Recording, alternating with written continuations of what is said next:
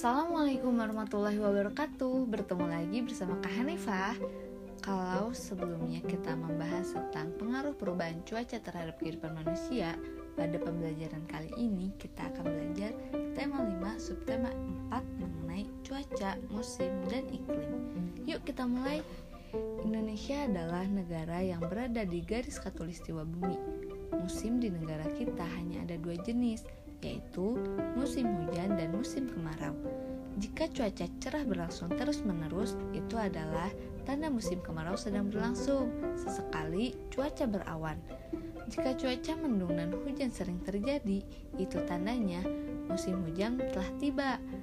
Cuaca merupakan suatu gejala alam. Cuaca dapat terjadi dan berubah dalam waktu singkat. Perubahan cuaca dapat dirasakan dari menit ke menit atau jam ke jam. Sedangkan iklim adalah lamanya keadaan cuaca di suatu daerah tertentu. Iklim biasanya diamati dalam waktu yang lama.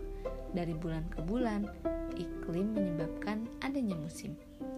Indonesia terletak di garis katulistiwa atau ekuator.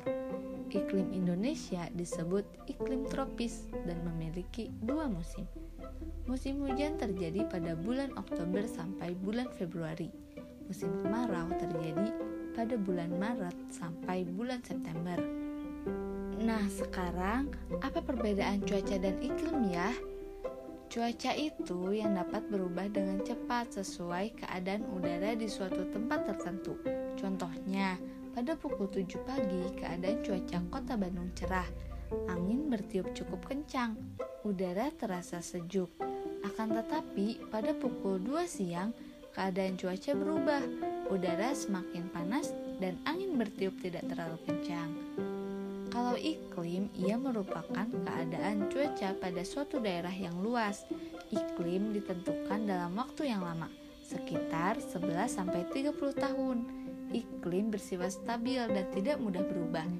Iklim di suatu tempat dipengaruhi oleh letak tempat tersebut di bumi. Iklim menimbulkan musim yang berbeda. Bagaimana adik-adik? Sudah tahu kan sekarang apa perbedaan cuaca, musim, dan iklim? Semoga materi yang disampaikan dapat dipahami dengan baik ya.